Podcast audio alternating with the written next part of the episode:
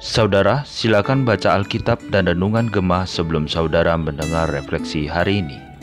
Shalom saudara yang dikasih dalam Tuhan, bersyukur kepada Tuhan hari ini kita kembali lagi boleh diberikan kesempatan untuk merenungkan firman Tuhan. Saudara, mari kita siapkan hati kita, kita berdoa terlebih dahulu minta pertolongan dan hikmat daripada Tuhan untuk bisa mengerti dan memahami akan kebenaran firman Tuhan yang akan kita renungkan pada hari ini. Mari kita berdoa. Ya Tuhan kami sungguh memohon kiranya Engkau yang akan membukakan hati dan pikiran kami untuk kami boleh mengerti dan memahami akan kebenaran firman Tuhan yang akan kami renungkan pada hari ini. Roh Kudus, biarlah Engkau juga berbicara kepada kami. Biarlah firman Tuhan ini boleh menjadi kekuatan, boleh menjadi teguran bagi setiap kami. Dan biarlah Tuhan mampukan kami untuk kami boleh melakukan firman ini dalam kehidupan kami. Hanya di dalam nama Tuhan Yesus Kristus kami berdoa dan kami mengucap syukur. Amin. Saudaraku yang dikasih dalam Tuhan, kita akan sama-sama merenungkan firman Tuhan dari Yeskiel pasal 37. Saudara kita tidak akan membaca keseluruhan daripada perikop ini, tetapi kita hanya akan membaca beberapa ayat saja. Kita akan membaca ayat yang pertama sampai ayat yang keenam, kemudian kita akan lanjutkan dengan ayatnya yang ke-11. Saya akan bacakan kepada kita sekalian demikian firman Tuhan. Lalu kekuasaan Tuhan meliputi aku, dan ia membawa aku keluar dengan perantaraan rohnya, dan menempatkan aku di tengah-tengah lembah, dan lembah ini penuh dengan tulang-tulang.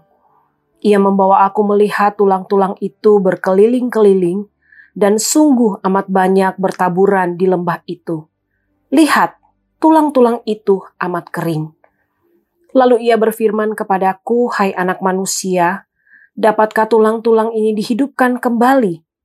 Aku menjawab, "Ya Tuhan Allah, Engkaulah yang mengetahui." Lalu firmannya kepadaku, Bernubuatlah mengenai tulang-tulang ini dan katakanlah kepadanya, Hai tulang-tulang yang kering, dengarlah firman Tuhan. Beginilah firman Tuhan Allah kepada tulang-tulang ini. Aku memberi nafas hidup di dalammu supaya kamu hidup kembali. Aku akan memberi urat-urat padamu dan menumbuhkan daging padamu. Aku akan menutupi kamu dengan kulit dan memberikan kamu nafas hidup supaya kamu hidup kembali dan kamu akan mengetahui bahwa akulah Tuhan. Ayat yang ke-11, firmannya kepadaku, Hai anak manusia, tulang-tulang ini adalah seluruh kaum Israel. Sungguh, mereka sendiri mengatakan, tulang-tulang kami sudah menjadi kering dan pengharapan kami sudah lenyap, kami sudah hilang. Saudaraku yang terkasih di dalam Tuhan, konflik yang terjadi antara Ukraina dan Rusia yang masih terus berlangsung sampai pada hari ini membuat ada begitu banyak orang yang mengalami kesulitan di dalam hidup mereka. Mereka mengalami satu situasi yang begitu luar biasa menderita. Mereka harus kehilangan pekerjaan, anak-anak putus sekolah, mereka tidak bisa beraktivitas dengan normal, dan banyak di antara mereka saudara yang mengalami gangguan mental dan juga gangguan fisik. Saudara tentunya situasi ini membuat mereka mengalami satu putus asa yang begitu besar dan mereka juga mengalami kehilangan akan pengharapan. Saudara situasi ini jugalah yang dialami oleh umat Israel yang kita baca di dalam Yeskiel pasal 37 ini saudara. Pada waktu itu digambarkan bahwa umat Yehuda mengalami situasi putus asa dan mereka kehilangan akan pengharapan. Saudara hal ini digambarkan oleh Nabi Yeskiel melalui penglihatannya yang digambarkan melalui tulang-tulang kering yang ada di dalam lembah. Saudara, pada waktu itu umat Yehuda telah dikalahkan oleh tentara Babel dan kondisi mereka pada waktu itu tidak berdaya dan mereka seperti orang mati. Namun, saudara, Tuhan kembali menghidupkan orang-orang mati itu. Yeskiel melihat bahwa tulang-tulang itu mulai bergetar, saudara.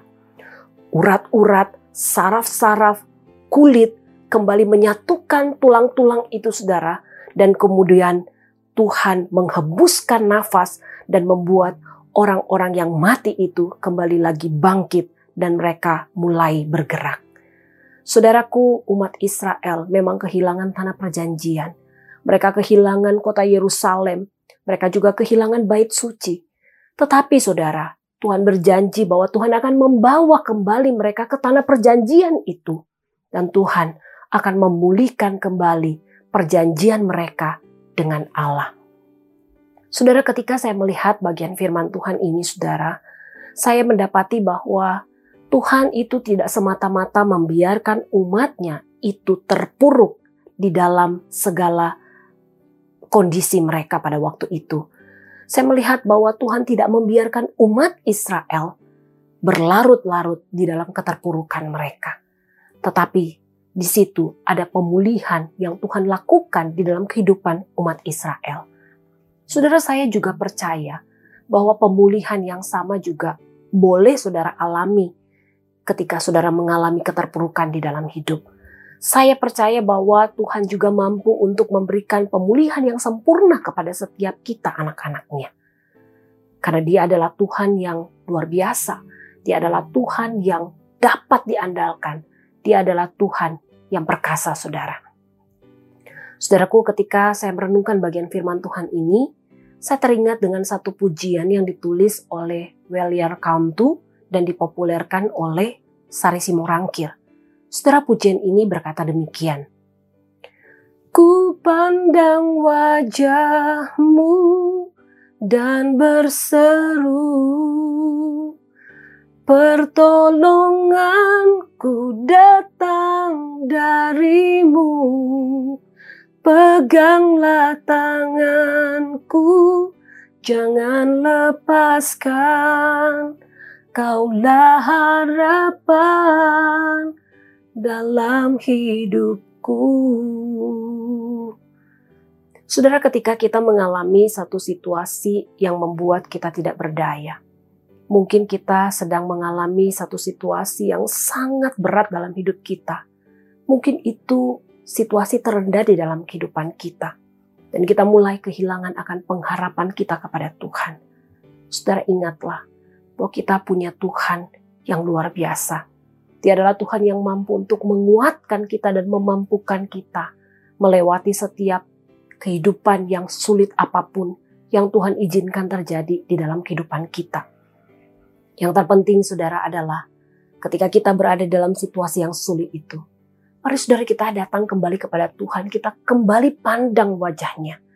Kita kembali berseru kepada dia maka saya percaya saudara kekuatan dan pertolongan Tuhan itu akan datang tepat pada waktunya bagi kita.